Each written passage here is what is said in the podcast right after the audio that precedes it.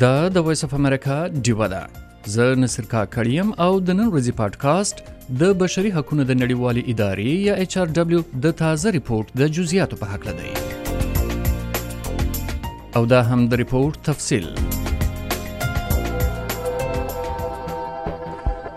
د بشري حقوقو د څار نړیوالې ادارې یا ایچ آر ډبلیو د 2000 شلم په ریپورت کې د نړۍ تر سلو زیاتو هیوادونو کې د بشري حقونو جاج اخیستی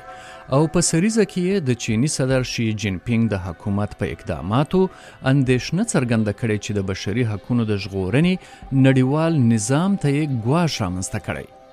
د ایچ آر ډبلیو ایگزیکټیو ډایریکټر کینیت روت وایي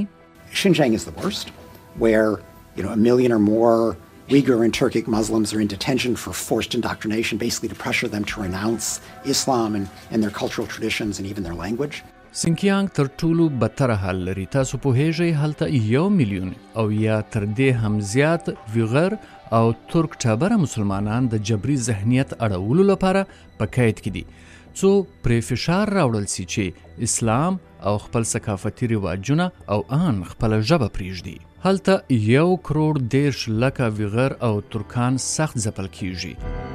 د بشري حقونو اداره وای نزدې یو میلیون ترک مسلمانان تر نامعلومه مودې پورې د سیاسي تعلیم په نوم په کامپونو کې شودل شوي دي دا ډول د و میلیون آبادی په هانګ کانګ کې د زیاتې خپلواکي غوښتونکو سره د چین حکومت ډیر بد وضعیت کړی او په غونډو یې بندیز لګولی. خو د چین د بهرنیو چارو د وزارت ویاند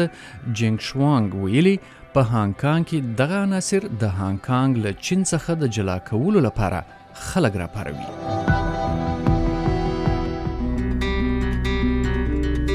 او اوس به په دغه رپورټ کې د پاکستان په اړه جزئیاتو ته ورسو. د ایچ آر ډبلیو رپورت وایي که څه هم وزیر اعظم عمران خان په جولای 2013 کې د واک ترلاسه کولو سره سم ژمنه کړې و چې ټولنیز یا سماجی انصاف ته به ترجیح ورکوي خو د هغه انتظامیه په میډیا، سیاسي مخالفینو او غیر دولتي سازمانونو باندې بندیزونه زیات کړل. د پاکستاني طالبانو، القاعده او نورو وسلوالو ډلو لخوا یو شمېر پاکستانیان ووژل شو. د تندروه تنظیمونو غړو، حکومتي چارواکو او سیاستوالو مطبوعاتو ته ګواښنې کړي او په خبریالانو یې له تشدده ډکې حملې کړي. د چار ډبلو د رپورټ په سر کې د پښتون ژغورنې غورځنګ ذکر هم سوی چې د ماورای عدالت وژنو او په زور د بېدرکیو په ضد یې احتجاجونه کړي او حکومت د دوه زره نولسم کال په مې کې خبریال ګوهر وزیر هم گرفتار کړ چې د پښتون لږکیو د احتجاجونو رپورټونه ورکول هم په دغه میاشت کې د شزو د حقونو د یوې پښتنې فعالي ګلالي اسماعیل په ضد حکومت له هغه ورسته د تشدد د راپارولو او د ریاست سره د غداري مقدمه ولیکله کله چې هغه په اسلام آباد کې د یوې لسکلن انجلۍ سره د جنسي زیاتوب وروسته د وژنې په پیښه احتجاجونو کې برخه واخیسته. دغه رپورټ د خړ کمر د پیښې ذکر هم کوي او وایي د مې په میاشت کې د شمالي وزیرستان د خړ کمر په امنیتي پوسته د پوج او د پښتون فعالینو ترمنځ نشته کې درې کسان ووژل سو او دواړه فریقین یو پر بل د نشتی د پیل کولو تورونه لګوي. دغه راز د اچ آر ډبلیو رپورټ وایي په پاکستان کې څلور زره شپږ سوه زندانیان د مرګ سزا ته منتظر دي او په دوه زره څوارلسم کې د تیزندۍ له سزا څخه بندیز لرې کولو وروسته پاکستان کې لږ تر لږه پنځه سوه یوولس کسان تیزندي کړل سوي دي. رپورټ وایي په خیبر پښتونخوا کې د 2015 کال راهیسې 15 شپېته هجړاګان وژل شوي وسلوال طالبانو د پولیو ضد څاڅکې ورکوونکې ډلې تر خپل هدف لاندې نیولې وي او د ترګرۍ له امله امنیتي ځواکونو او عادي خلکو ته زیات ځاني تلفات اوښتي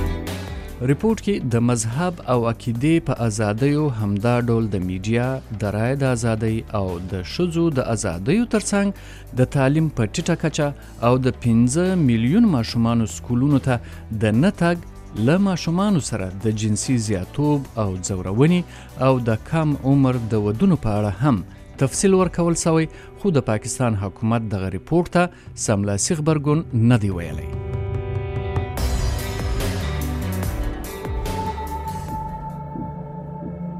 د ایچ آر ډبلیو رپورټ د افغانستان په اړه څه وایي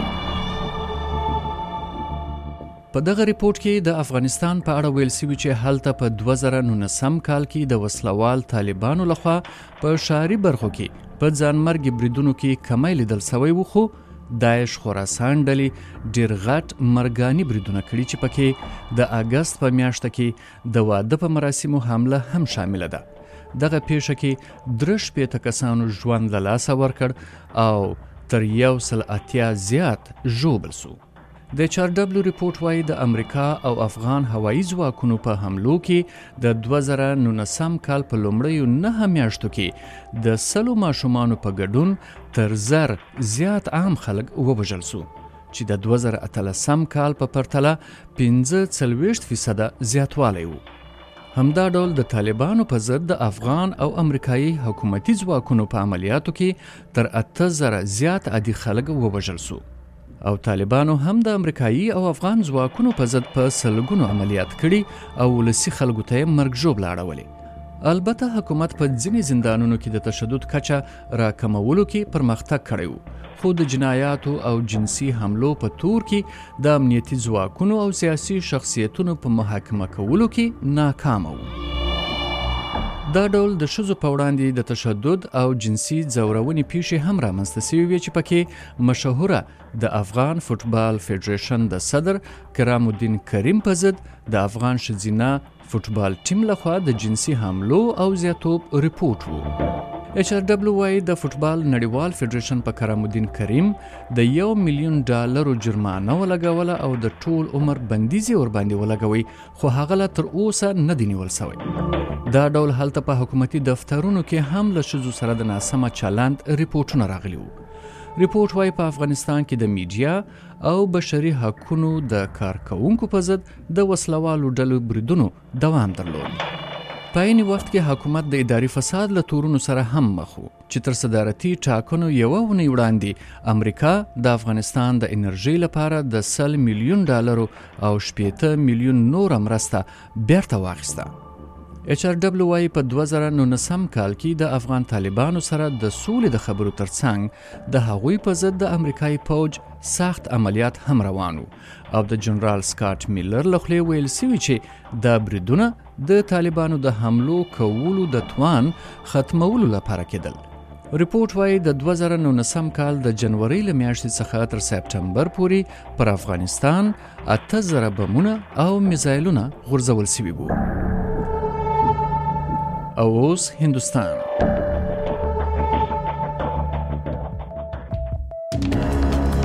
د هندستان په اړه د بشري حقوقو د څار نړیوالې ادارې ویلي چې د بهارتیا جنتا ګوند په واکمنۍ کې په روس شکال د بشري حقوقو زیاتې سرغړونې او ستونزې رامنځته شوې وي ریپورت وايي ټول کال د ملګرو ملتونو کارپوهانو په هندوستان کې د مسلو په اړه خپلې اندېښنې څرګنده کولې چې په آسام کې ماورای عدالت وژنې د قبایلي وروروليو د بېځایه کولو او په کشمیر کې د اطلاعاتو سرچینې تړل شامل دي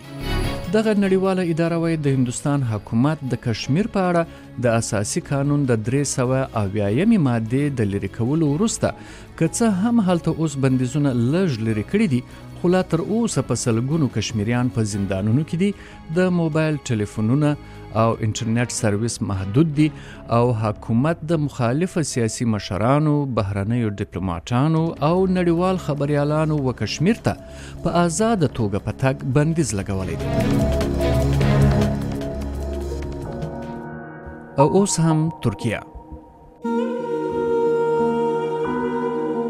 د بشري حقوقو نړیواله اداره وايي په ترکیه کې په تیرو څلورو کلونو کې د بشري حقوقو وضعیت ډیر خراب شوی او د ناکامې کودتا درې کال وروسته په 2019 کې هم د ترګری د مقدمو اختیار په پراخه کچه بې ځایه استعمال شوی. د جولای تر میاشتې پورې نزدې اویا زره کسانو په ضد مقدمې چلیدې او تر یو نیم لک زیات کسان د فتح الله ګولن له تحریک سره د تړاو په تور د جنایي تحقیقاتو سره مخ وو. نزدې اته نیم زره کسان چې پکې منتخب سیاستوال او خبریالان هم شامل دي په زندانونو کې دي. د رایې د ازادۍ دا حال و چې یو سل او نولس خبریالان او د میډیا کارکوونکي تر مقدمو له مخه زندانیان سوي وو. ترکیه له شام څخه د ورغلو درې اشاریه و میلیون کډوالو کوربه دی خو تیر کال یې یو شمیر شامیان له استنبول او نورو صوبو څخه بیرته شام ته په غیر قانوني توګه واستول او صدر اردوغان په تکرار سره ویلي چې شامیان باید په شمال ختیځ شام کې په محفوظ ځایونو کې بیرته آباد سي.